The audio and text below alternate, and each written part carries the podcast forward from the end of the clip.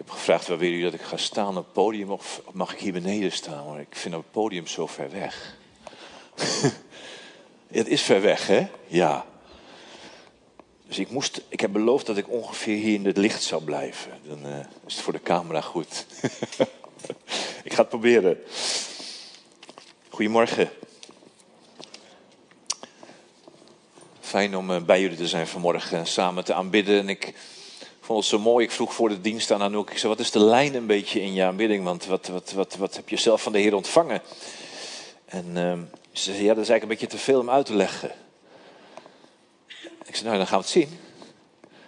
En ik vond het heel mooi dat, dat ik weet niet of je dat zo um, beleefd hebt, maar um, als ik een beetje naar de liederen, de lijn van de liederen volgde, dan merkte ik dat we begonnen met een dankzegging en een lofprijs in de grootheid en de maandenster en alles geschapen door God, Psalm 19.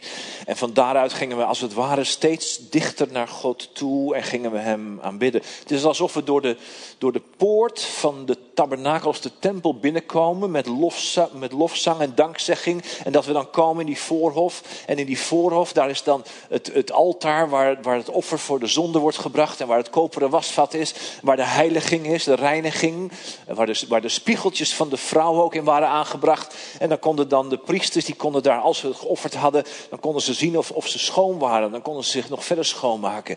En als ze dan schoon waren, gingen ze naar binnen toe en dan gingen ze het heilige binnen. En dan kwam je al dichter bij God, want in dat heilige, daar waren de toonbroden en daar waren die, die, die, die, die, menoren, die, die zevenarmige kandelaar met, met de lampen daarop, de olie die bleef branden. En dan, en dan, en dan ging verder en dan kwam je zo voor het voorhangsel te staan. En daar staat het reukofferaltaar, wat onze gebeden zijn. De Bijbel spreekt over het reukoffer van onze gebeden, die in de schaal aan God worden aangeboden. En achter dat voorhangsel, daar is de ark van het verbond. En daar, daar, is, daar is die gouden verzoendeksel met die gerubim erbovenop, waar de vleugels elkaar raken. En daartussen daar troont God, te midden van zijn volk.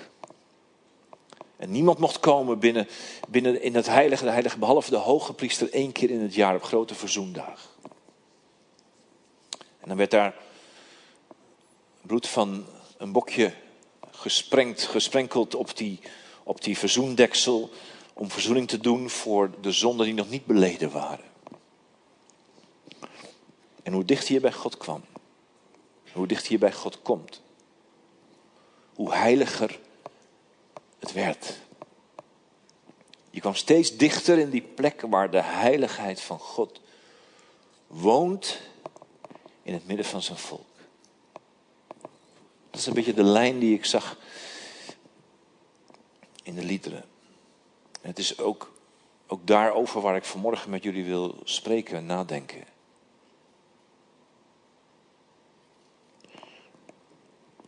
Waar gaat het om in ons leven? Waar gaat het om in, in uw, jouw leven? Als, als iemand dat zou vragen aan je op straat, waar gaat, het, waar gaat het nou om in jouw leven? Wat zou je dan antwoorden? Om? Dat Jezus zichtbaar wordt, ja. ja. Anderen nog, wat zou je antwoorden? Waar gaat het om? Waar gaat alles om in jouw leven?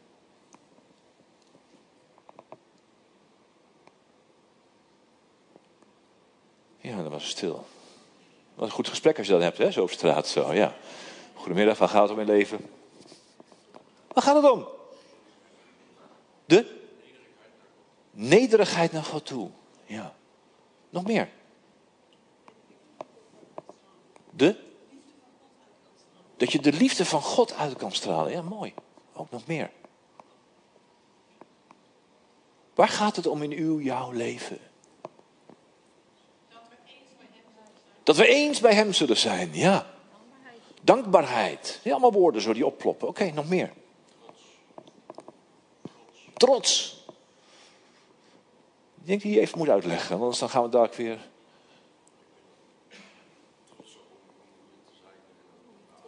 Om Hem te aanbidden, trots dat je bij Hem hoort. Ja, precies. Ja. Nog meer.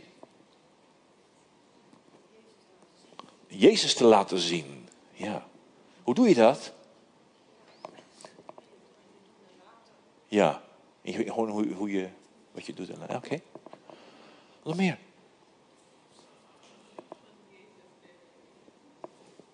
Het licht van Jezus uitstralen. Ja. Ja, hoe doe je dat?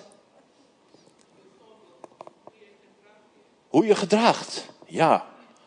Ja. Het zijn allemaal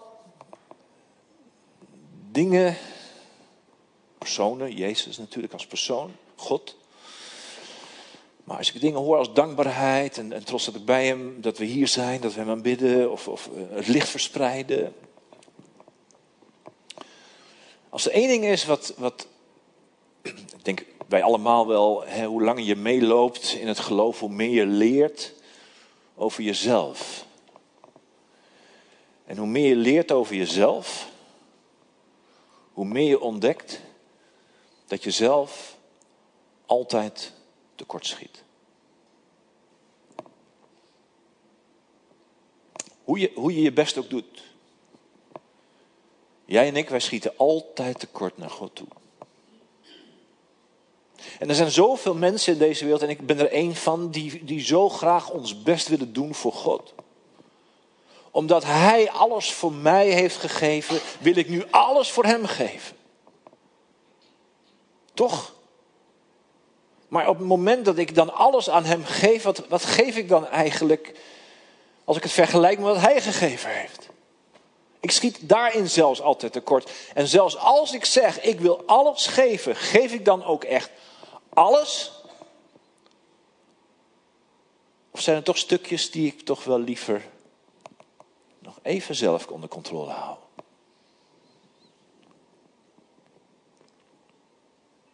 En er zijn te veel van ons, niet hier per se, maar gewoon in, in de algemeenheid, te veel volgelingen van de Heer Jezus die zeggen: Heer, ik wil u in alles volgen. In alles.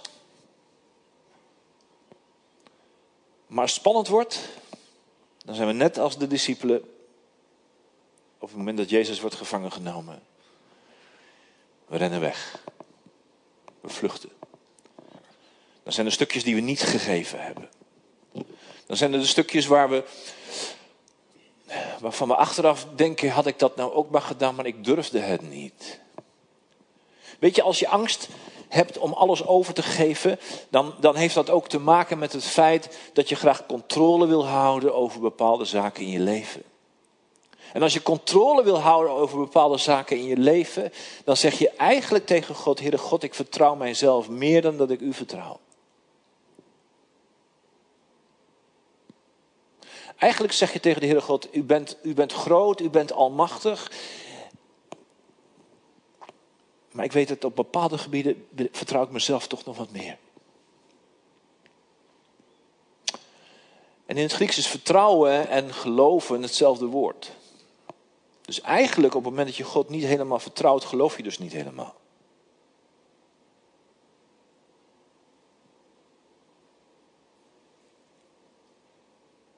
En op het moment dat je niet helemaal gelooft en niet helemaal vertrouwt, dan weet je, ik heb niet alles overgegeven. Als wij zeggen, wij willen op Jezus lijken. Als wij zeggen, we willen Jezus laten zien. Wat laten we dan zien? Laten we dan de Jezus zien in de vorm zoals wij zijn? Of laten we Jezus zien zoals Hij werkelijk is? Laten wij, mag ik het anders zeggen, laten wij Jezus zien die erg op ons lijkt? Of laten wij een Jezus zien op wie wij gaan lijken? Beseffen wij dat wij gemaakt zijn naar het beeld en gelijkenis van God? Of laten wij een God zien die gemaakt is naar ons beeld en ons gelijkenis?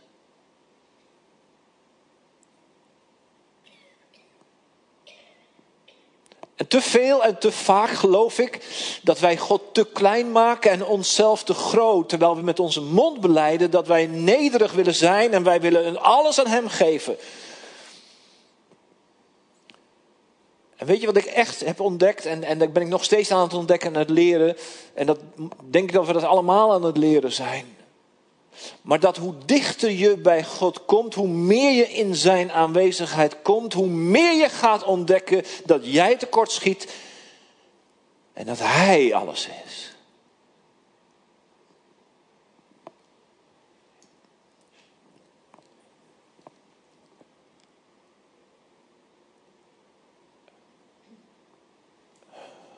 Eigenlijk gaat het hier om. Gods aanwezigheid.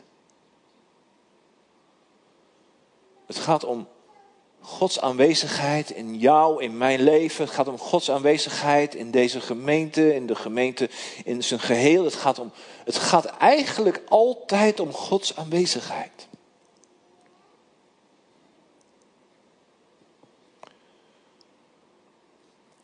En dat is wat God ten diepste altijd heeft gewild en wat Hij ook ten diepste altijd van ons vraagt. Ben jij bereid om mij toe te laten in jouw leven, zodat ik door jou heen mijn grootheid kan laten zien? Het is niet voor niets dat de naam van Jezus ook wel Immanuel is. Wat betekent Immanuel? God met ons. Dat betekent dat Hij dus bij ons kwam in Jezus. Hij kon bijna niet dichterbij komen dan dat hij deed toen Jezus naar deze aarde kwam.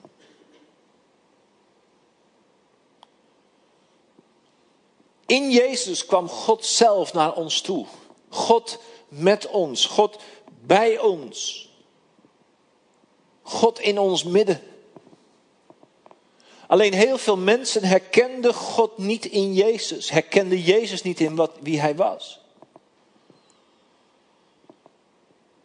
En dat was ook heel lastig, omdat wat er gebeurde toen Jezus op deze aarde kwam,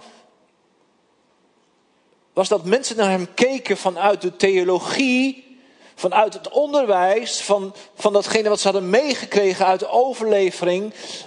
Zo keken zij naar Jezus en zeiden: Ja, kan, kan, kan, kan er iets goeds uit Nazareth komen? Je hoort het zo Nathanael zeggen. Kan er iets goed uit, uit Nazareth komen? Kan, kan, de Messias, de Messias komt toch uit Bethlehem? Moet toch uit het geslacht van David komen? En als hij dan komt, dan komt hij toch om de vijand te verjagen. Dan komt hij toch om zijn rijk te richten. Dan gaat hij toch op de troon van David zitten. Hoezo? Hoezo Jezus, de Messias, de beloofde Messias, de Zoon van God? En vanuit hun theologie gingen zij naar Jezus kijken. De theologie bepaalde hoe zij keken naar Jezus en hoe ze dus ook keken naar God. En eigenlijk werd hun theologie de leiding. In plaats van dat ze de aanwezigheid van God gingen ervaren in Jezus in ons midden.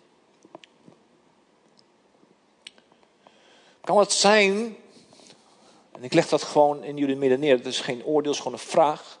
Kan het zijn dat ons leven nog te lauw is omdat wij te veel vanuit onze overlevering of theologische gedachten of onze psychologische gedachten naar God kijken en naar Jezus kijken. En dat we niet in vuur en vlam voor Hem staan, omdat we de aanwezigheid van God in ons leven niet ervaren en niet toelaten zoals God dat eigenlijk wil. Kan het zijn dat wij niet alles aan Hem hebben overgegeven, zodat wanneer wij dat dan doen, dat, dat Hij dan in ons midden zal zijn en dat Zijn glorie, Zijn heerlijkheid zichtbaar zal worden in deze zaal? Kan het zijn dat als mensen ons tegenkomen op straat, dat ze meer ons zien dan Jezus, hoewel je Jezus wil laten zien? Kan het zijn dat ze meer jouw licht zien dan dat ze het licht van Jezus zien, terwijl ze eigenlijk Jezus willen zien?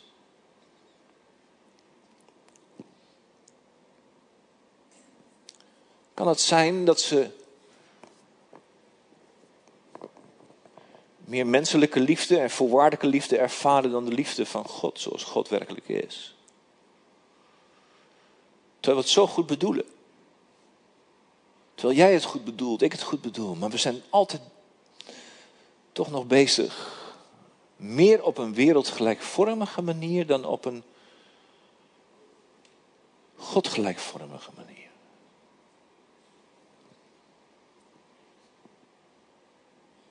Ik wil met jullie lezen uit Psalm 26.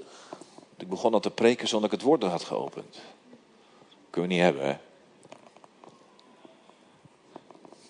Ik was laatst in de gemeente die zeiden: Wil je eerst gaan lezen uit de Bijbel, want dan kun je vanuit het woord gaan spreken. Ik zei: Oké, dat is goed, dat ga ik doen. Dus alles wat ik nu gedaan heb, is niet uit het woord, denk ik. Alles wat hierna komt wel. Psalm 26. Een psalm van David. Doe mij recht, heren, want ik ga mijn weg in oprechtheid. Op de Heere vertrouw ik, ik zal niet wankelen. Nou, wacht even. even. Even, dit is een psalm van David. Psalm van David die altijd zegt op de Heer te vertrouwen. Mijn oog, zegt hij in een andere psalm, mijn oog is voortdurend op u gericht. Maar het was dezelfde David die wel met Bathsheba overspel pleegde. Het was wel dezelfde David die haar man de dood injaagt. Ja, het is ook de David die de reus versloeg omdat hij zag dat zijn God groter was dan de reus. Dus David had die, al die kanten die wij ook kennen.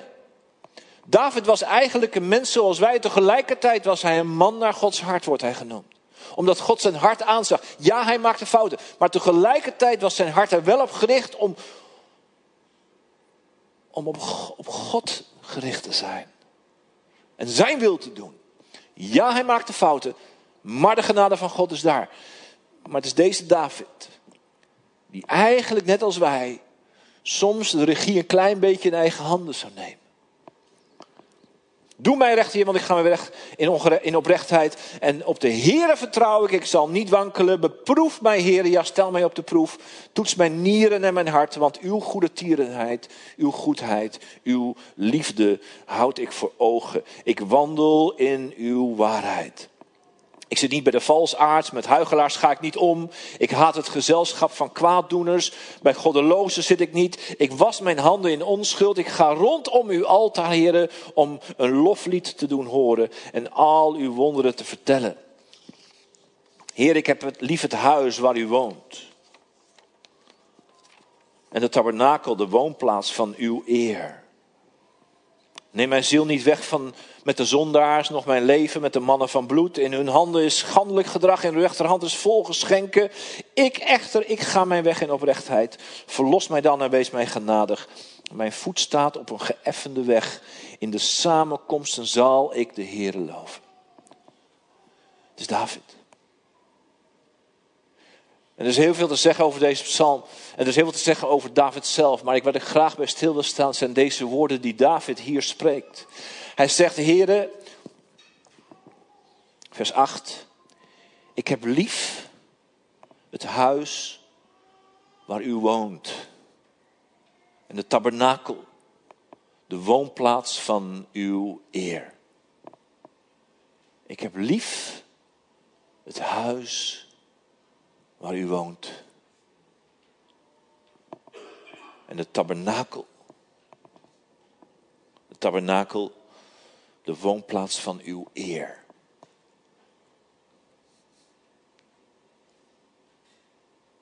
Waarom had David het huis lief? Waarom had David de tabernakel lief?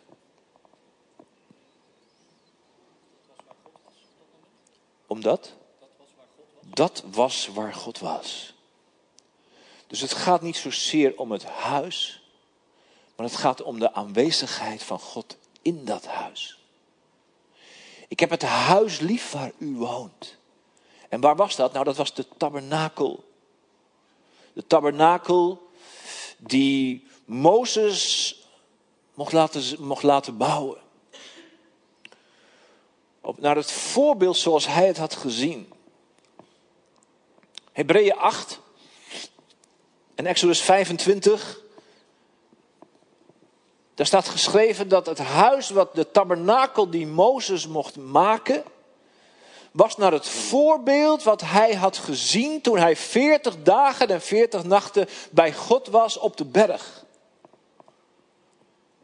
Dus de tabernakel die hij had laten maken met precies de afmetingen, met de stoffen die werden gebruikt, met, met, met de indeling van, hè, wat we straks al zeiden, de, de, de poort, de voorhof en, en het heilige en het heilige der heiligen. Het was, het was precies zoals God had gezegd, zo moet je het doen. Er waren zelfs mensen geweest die heel bekwaam waren om dingen te maken, maar waar de Heilige Geest over was gekomen, zodat ze het zouden maken zoals God het zou willen. Dat betekent dat een huis waar God woont, een huis waar God wil wonen, dat, dat, is, dat is zo gemaakt zoals Hij ook wil dat het gemaakt is. God zei niet tegen Mozes, Mozes, ik wil een huis, bouw jij nou iets in vanuit jouw verbeelding, wat jij mij wil bouwen, doe dat. En, en maak het zo mooi mogelijk. Nee, dat zei God niet. God zei, ik wil dat je het zo maakt. Want als je het zo maakt, dan kom ik wonen. En, en waarom, waarom wilde God dat het zo was? Nou, dat wilde hij omdat datgene wat hij mocht maken op aarde een afspiegeling is van datgene wat in de hemel is. Het heiligdom wat op aarde kwam, zegt Hebreeën 8, zegt ook Exodus 25, was gemaakt naar datgene wat God hem liet zien van wat in de hemel al was. De blauwdruk van wat er op aarde gebeurde was al gemaakt in de hemel.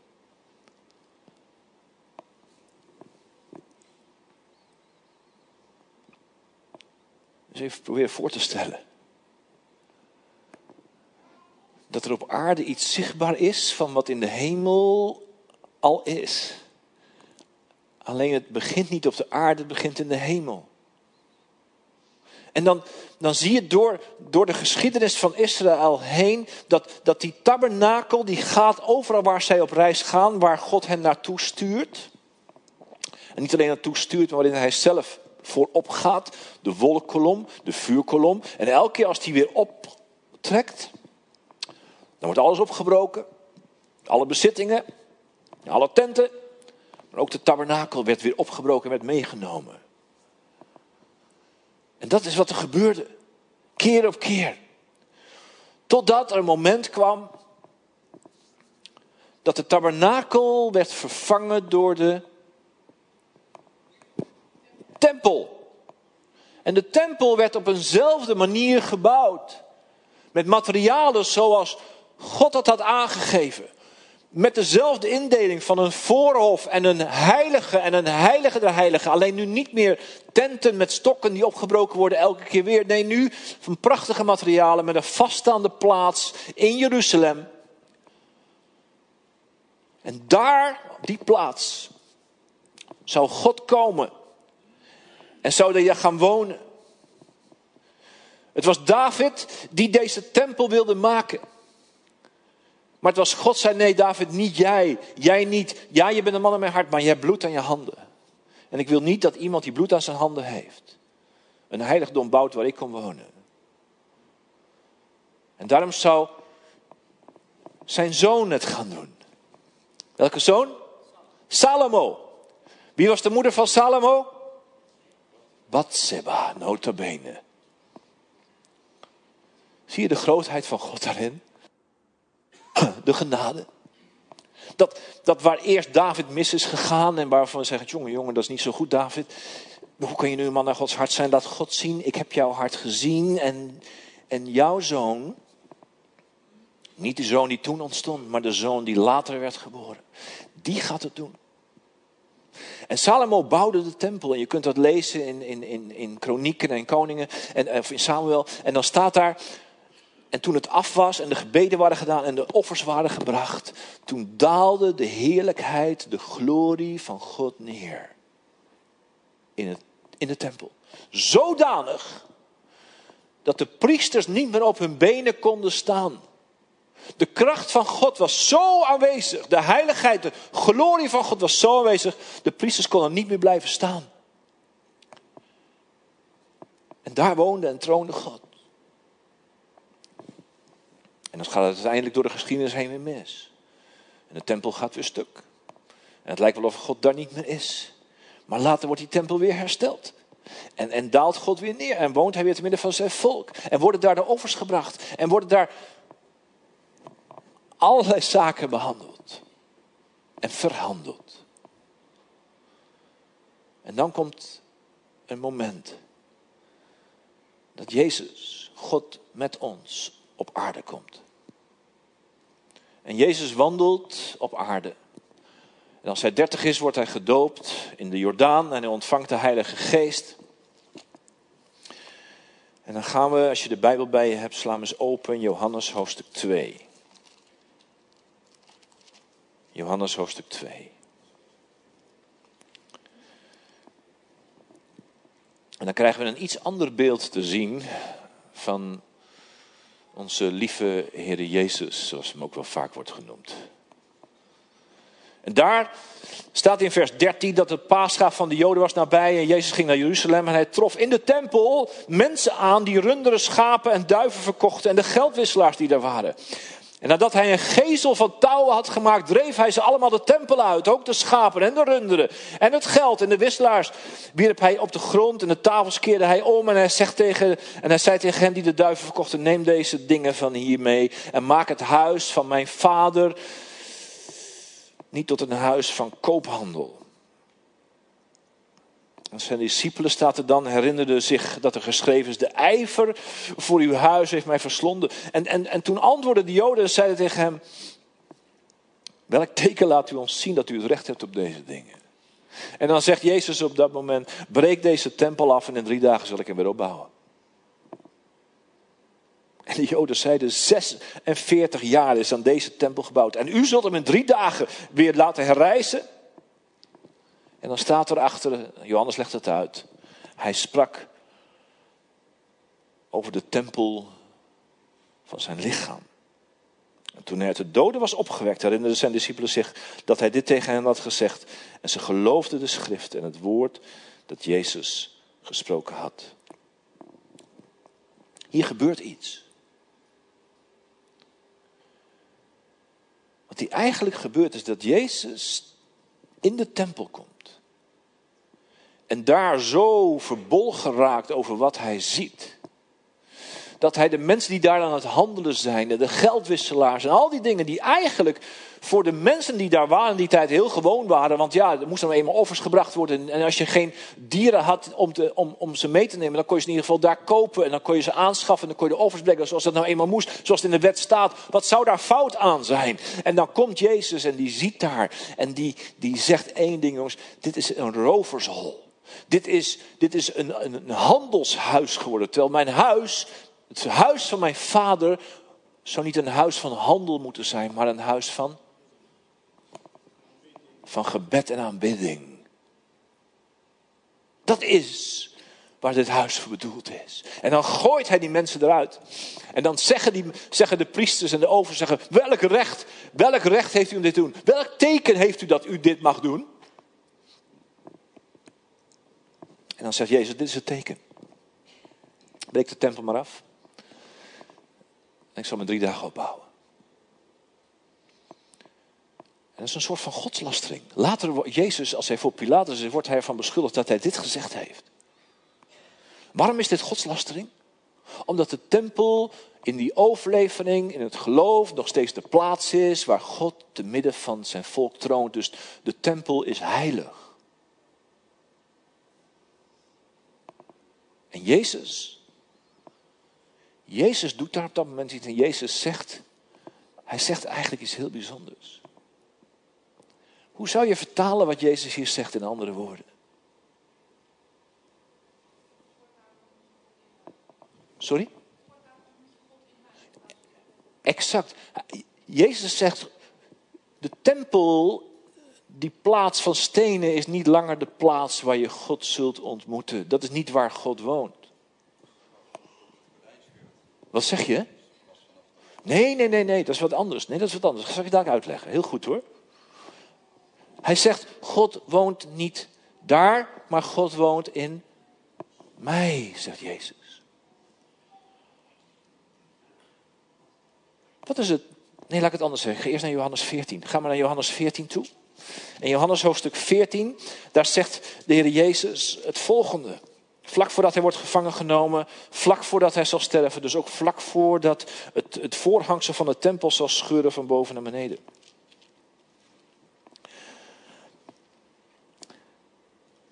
Hij zegt in vers 10, gelooft u niet dat ik in de Vader ben? Johannes 14, vers 10. Gelooft u niet dat ik in de Vader ben en de Vader in mij is? En de woorden die ik tot u spreek, spreek ik niet uit mijzelf, maar de Vader die in mij blijft, die doet de werken. Geloof mij dat ik in de Vader ben en dat de Vader in mij is, en zo niet geloof om de werken zelf. Jezus zegt dit. Ik, de zoon op de aarde, ben in de Vader die in de hemel is. En de Vader die in de hemel is, die is ook in mij. Terwijl ik op aarde ben. Hoe kan dat? Hoe kan God die in de hemel is, in Jezus op de aarde zijn? En hoe kan Jezus die op de aarde is, in God zijn die in de hemel is? Hoe kan dat? Het is dezelfde. Eén. Eén God. Ja. Hij had dagelijks contact met hem. Zeker. Zeker. Wat is de sleutel voor Jezus op aarde om in de Vader in de hemel te zijn en andersom? Verbinding, ja. Maar wat is die verbinding? Hoe komt die verbinding tussen hemel en aarde tot stand? Vertrouwen op God. Dat is een middel, ja, maar het is niet de verbinding zelf. Juist, heel goed. Zodra ik een. Ja, ja, die hebben we binnen. Ik zie hem echt zo van yes. Die noteren we. Punt. Ah, Heilige Geest. Ik zeg tegen mijn Bijbelschoolstudenten altijd: als ik een moeilijke vraag stel, roep Heilige Geest. 9 van de 10 keer is het goed. Oké, de Heilige Geest. De Heilige Geest is de Geest van God. De Heilige Geest is de Geest van Jezus. De Heilige Geest is God. Als je het over één hebt, we hebben het over de Vader en over de Zoon, maar de Geest hoort er ook bij. Als Jezus wordt gedoopt in de Jordaan, dan gaat de hemel open als hij boven water komt. En dan klinkt de stem van God de Vader, klinkt vanuit de hemel, terwijl hij vanuit de hemel God de Geest stuurt op God de Zoon op de aarde. En dan komt God de Geest komt op God de Zoon en dan klinkt uit de hemel vanuit de mond van God de Vader zegt: Dit is mijn zoon, mijn geliefde, wie ik mijn welbehagen heb. In twee versen, elk evangelie beschrijft dit. In twee versen worden de drie personen van de ene God genoemd: de Vader in de hemel, de Zoon op de aarde en de Geest van God die op de Zoon komt. En vanaf dat moment wordt Jezus, de Zoon van God, door de Heilige Geest geleid. Want dan staat er: En de Geest leidde hem de woestijn in om verzocht te worden. Vanaf dat moment begint de bediening van Jezus. Daarom zegt Jezus in Johannes hoofdstuk 14: Alles wat je mij nu ziet doen, dat doe ik niet. Maar de Vader die in mij is, die doet de werken. Hoe kan de Vader in Jezus zijn? Door de Geest. Hoe kan Jezus in de Vader zijn? Hoe kan die verbinding van de aarde naar de hemel tot stand worden gebracht? Door de Geest. De tempel, het heiligdom, is op dat moment Jezus, omdat de geest van God over hem gekomen is en de Vader in Jezus is. En daar waar de Vader is, daar is een heiligdom van God. En dan gaat Jezus verder in Johannes hoofdstuk 14 en dan zegt hij um, in vers 16, ik begin bij 15, als je mij lief hebt, dan, dan neem je mijn geboden in acht. En ik zal de Vader bidden en hij zal jullie een andere trooster geven, opdat hij bij jullie blijft tot in eeuwigheid. Namelijk de geest van de waarheid, die de wereld niet kan ontvangen, want ze ziet hem niet en kent hem niet. Maar u kent hem, want hij blijft bij u en zal in u zijn. Ik zal jullie niet als wezen achterlaten, ik kom weer naar jullie toe. Nog een korte tijd en de wereld zal mij niet meer zien, maar jullie zullen mij zien. Want ik leef en jullie zullen leven. En op die dag op die dag, op die dag, op die dag zullen jullie inzien dat ik in mijn Vader ben en dat jullie in mij zijn en ik in jullie ben. Op die dag. Op welke dag? Op de dag dat de Heilige Geest komt. En op welke dag was dat? Pinksteren, daar begon het. Op het moment dat de Geest komt, dan zul je zien, dan zul je het weten, dan zul je en in één keer gaan zien dat ik in de Vader ben en de Vader is in mij. Maar je zult ook gaan zien dat door diezelfde geest die de Vader heeft uitgestort op mij, waardoor ik in de Vader ben en de Vader in mij, dat door die geest jullie ook in mij zijn en ik in jullie ben. Dat dezelfde manier waarop Jezus op aarde wandelde, in verbinding met God, als het heiligdom van God, als de tempel van God, dat hij op aarde God vertegenwoordigde en onder de mensen bracht. Op die manier zullen jullie, als de geest komt, en op wie komt de geest? Op Iedereen, elk vlees, iedereen die gelooft in Jezus. Iedereen die Jezus wil volgen, ontvangt de geest, zodat je kunt doen wat Jezus deed. Zodat je kunt leven zoals Jezus leefde. En het eerste wat je gaat leren, is dat je leeft in verbondenheid met Jezus. Jij op aarde, Jezus in de hemel, zoals Jezus op aarde leefde met de Vader in de hemel. Met dezelfde verbinding, de persoon van de Heilige Geest. En jij en ik, wij zullen in Jezus zijn. En Hij is in ons. En wij mogen wandelen op aarde zoals Jezus wandelde op aarde in verbinding met God de Vader. Dat betekent dat de tempel van God, het heiligdom van God, nog steeds in mensen is. Is het niet meer in Jezus op aarde, dan is het doordat Jezus in jou en mij woont en daardoor woont God ook in ons, zijn wij de tempel. Ben jij de tempel, het huis waar God woont? Dat is wat Hebreeën 3 zegt. Hebreeën 3. Niemand de deur uit? Daar. Hebreeën hoofdstuk 3. Want Christus, vers 3. Christus heeft zoveel meer heerlijkheid waard geacht dan Mozes. Evenals hij die het huis gebouwd heeft, meer eer ontvangt dan het huis zelf. Immers, elk huis wordt door iemand gebouwd. Maar hij die dit alles heeft gebouwd, is uit God. En Mozes is wel trouw geweest in heel zijn huis, maar als dienaar om te getuigen van wat later gesproken zou worden. Christus is echt het getrouw over zijn huis als zoon. Zijn huis zijn wij. Als wij tenminste de vrijmoedigheid en de roem van de hoop tot het einde toe onwrikbaar vasthouden. Zijn huis zijn wij. Petrus zegt later, wij zijn met elkaar een geestelijke tempel. Wij zijn levende stenen die samen een huis bouwen waar God woont in de geest. Jij en ik, wij zijn ieder van ons persoonlijk, maar ook samen een heiligdom waar Gods geest woont. En omdat Gods geest daar woont, woont Jezus daar, Efeze hoofdstuk 3. En als Jezus daar woont, is de Vader ook in ons en wij in Hem.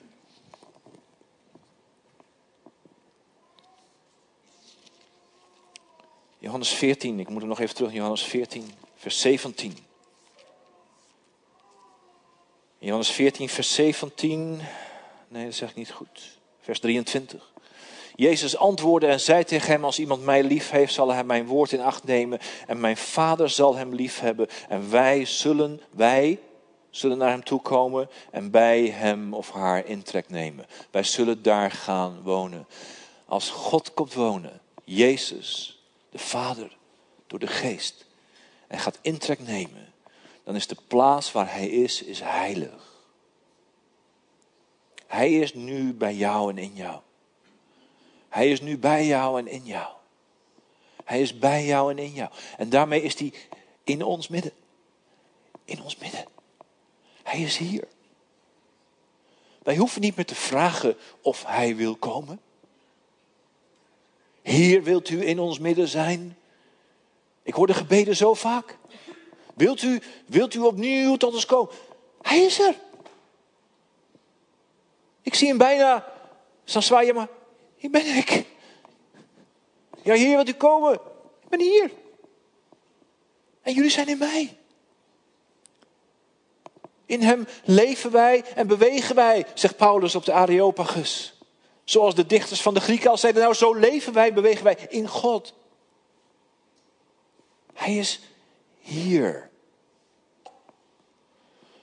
Dan is de vraag, als Hij dus in jou woont, en jij bent door de geest ook in Hem, en Hij is ook hier, hoe leven wij dan ons leven?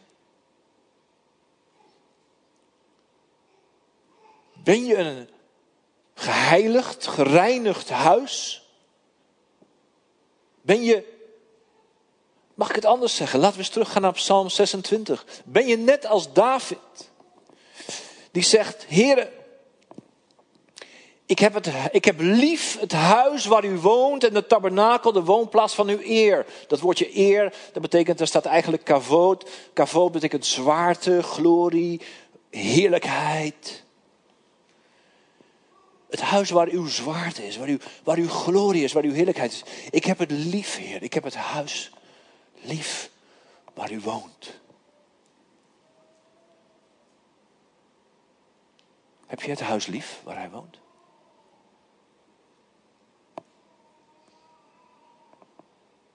Heb je het huis lief waar hij woont? Ja? Sta je voor de spiegel s morgens? En zeg je, ik hou van jou. Kun je van jezelf houden? Wat zeg je? Dat heb je dankzij hem mogen leren. Dat is mooi. En wij mogen dat allemaal dankzij Hem leren. Heer, ik heb het huis lief waar u woont. Heb je jezelf lief? En kijk eens even, even, even, eh, even om je heen. Kijk even om je heen. Kijk eens even. Zie, eh, je elkaar? Nee, nee, nee, nee, nee, niet wegduiken. Ook kijken. Ook kijken. Kijk eens echt, hè? Kijk eens even echt. Kijk elkaar aan. Kijk in elkaars ogen.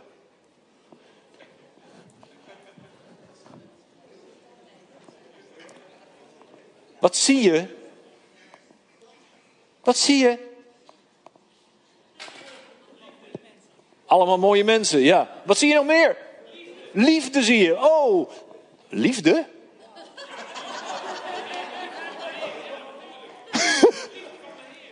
Oké. Oh ja, oh, oké, okay. snap ik. Ja. Liefde. Ja, God is liefde. Dus als je liefde ziet, je ziet agape, zie je God. Goed zo. Dat is wat je ziet. Je ziet, als het goed is naar elkaar, dan zie je een huis waar God woont. Heb je de ander lief? Heb je de ander lief? Kijk nog eens een keer. Niet naar je vrouw. Een ander. Heb je.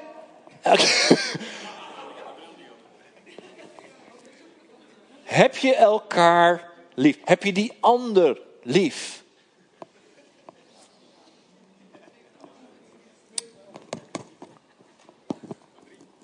Je hebt er drie lief. Oké. Oké. Willen die drie even een hand opsteken? Nee, laat maar. nee, serieus, lieve mensen. Ik denk, ik bedoel, nee, laat ik het anders zeggen. In alle andere kerken behalve deze zijn er altijd wel mensen die elkaar niet lief hebben.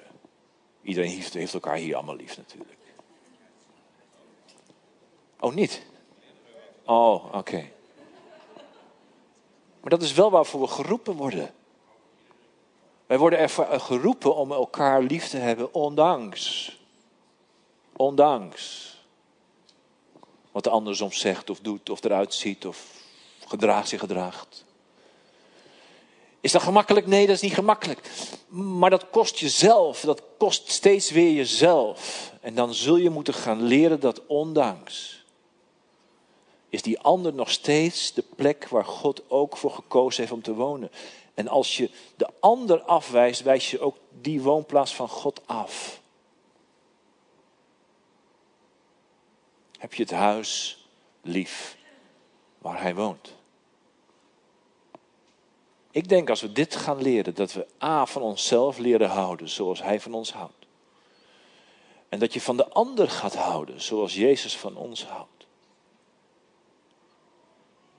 dan zal dit een plaats zijn, de gemeente een plaats zijn waar die aanwezigheid van God zo krachtig, zo sterk is.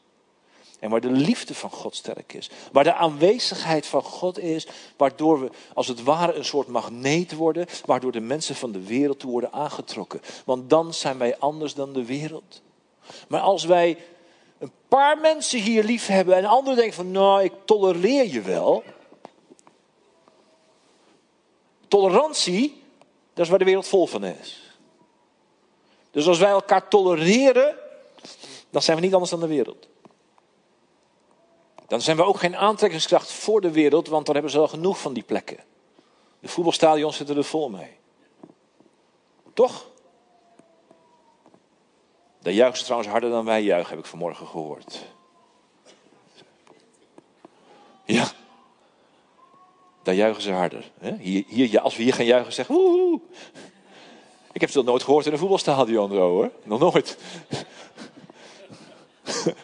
Kom op Ajax, woehoe. Nee. Nee. Ja, oei oei is het tegenwoordig, maar goed, oké.